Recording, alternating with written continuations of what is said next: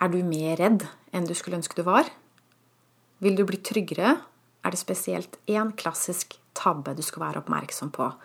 For hvis du gjør den feilen, så vil du bare bli reddere.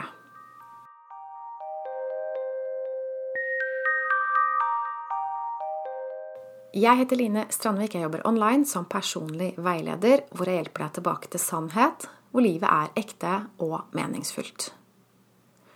I henhold til Folkehelseinstituttet vil om lag én av fire nordmenn rammes av en angstlidelse i løpet av livet. Det er ganske mye. Jeg vet ikke helt hva som ligger i diagnosen angst, men frykt det er noe vi alle har kjent på. Og du kan være redd for å falle ned fra en høy bygning. Du kan være redd for å starte i en ny jobb, eller redd for noe annet konkret. Men det som kjennetegner angst, det er at det tilsynelatende ikke er en naturlig årsak til frykten. Vi er redde uten grunn. Det kan være en grunn til angsten som vi ikke umiddelbart ser selv. For eksempel en av ettervirkningene etter narsissistisk mishandling, det er nettopp frynsete nerver. Jeg har lest flere steder at posttraumatisk stress det er et resultat av narsissistisk mishandling. Og jeg har ikke bare lest om det, jeg har selv opplevd det. Og jeg har jobba med en rekke mennesker som opplevde det samme. Og det som er spesielt med psykisk misbruk, psykisk vold, det er at det er skjult misbruk. Og det er også skjult for den som opplever det. Det foregår på den måten at man ikke forstår sine egne følelser. Man forstår ikke hvor det kommer fra, og man forstår ikke hvor frykten kommer fra. Og så tror man at det er en selv det er noe galt med. Og det er et gjennomgående problem i denne dynamikken mellom en narsissist og offeret. Det er at offeret blir pålagt skylden for alt som er galt.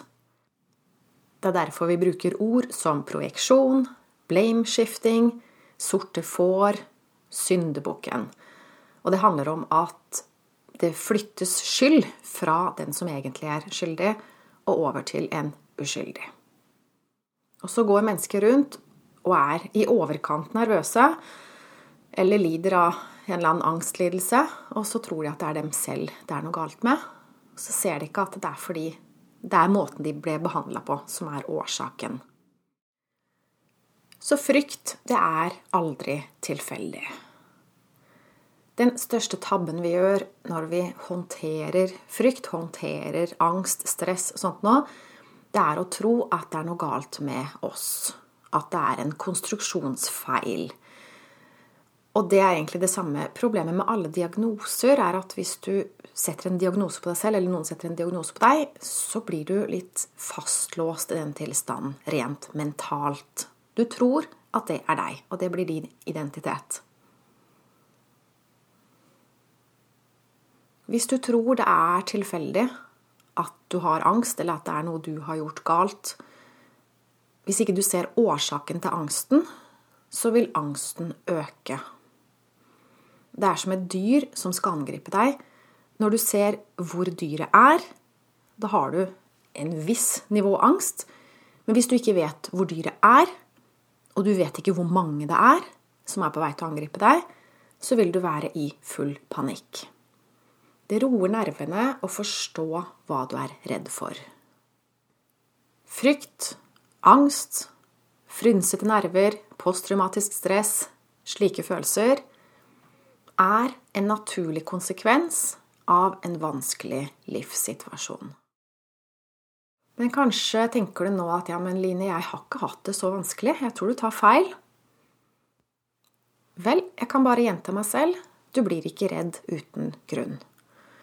Problemet ligger sannsynligvis i din blindsone, som det gjør for veldig mange andre.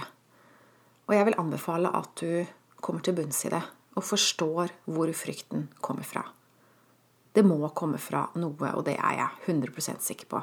Du blir ikke redd uten grunn. Det er ikke en konstruksjonsfeil i deg.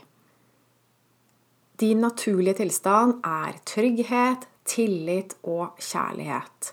Det skal en kraft til for å dytte deg ut av denne tilstanden. Så hva var denne kraften? Hva er du egentlig redd for?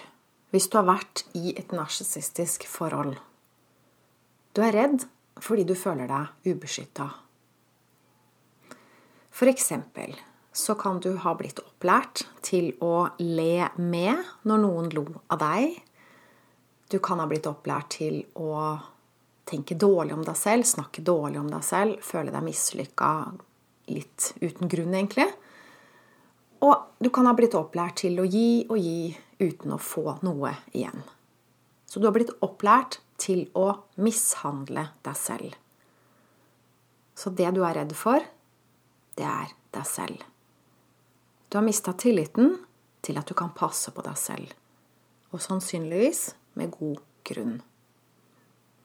Den usunne delen av deg, det er den som ikke tar vare på deg.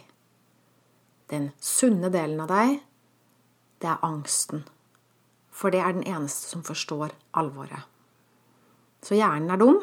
Hjernen tenker at det er ikke noe grunn til at du er redd, men kroppen er smart.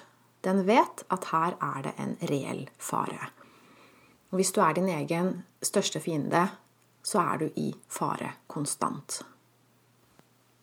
Alle følelser har en god hensikt. Frykt kan være ubehagelig, men det har en god hensikt. Hva er det?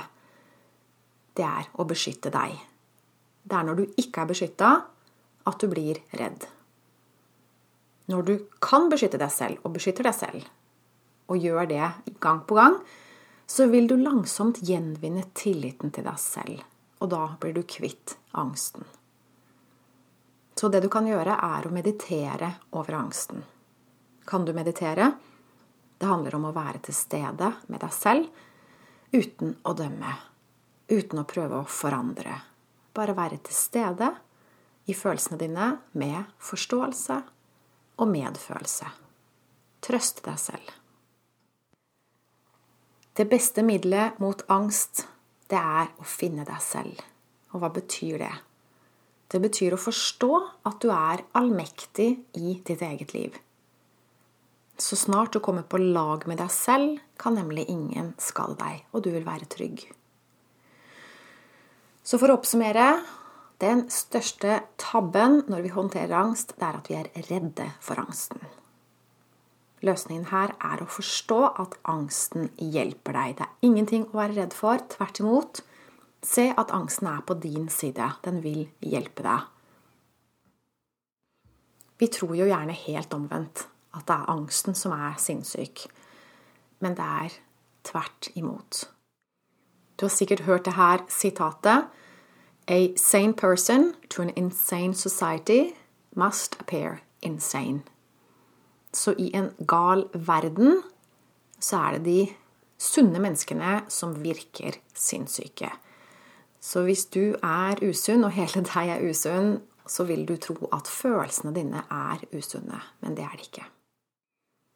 Du kan fjerne angsten ved å begynne å samarbeide med angsten. Og da vil den vonde følelsen forsvinne. Når du klarer å beskytte deg selv, så har du ikke noen grunn til å gå rundt og være redd lenger. Er det noe jeg kan hjelpe deg med? Jeg jobber online som personlig veileder, hvor jeg tilbyr både online-kurs og veiledning over telefon og mail. For å avklare om det er samsvar mellom det du trenger og det jeg tilbyr, kan du bestille en gratis avklaringssamtale på linestrandvik.no klarhet. Tusen takk for at du hørte med i denne podkasten. Jeg ønsker deg en fin dag videre. Ha det godt!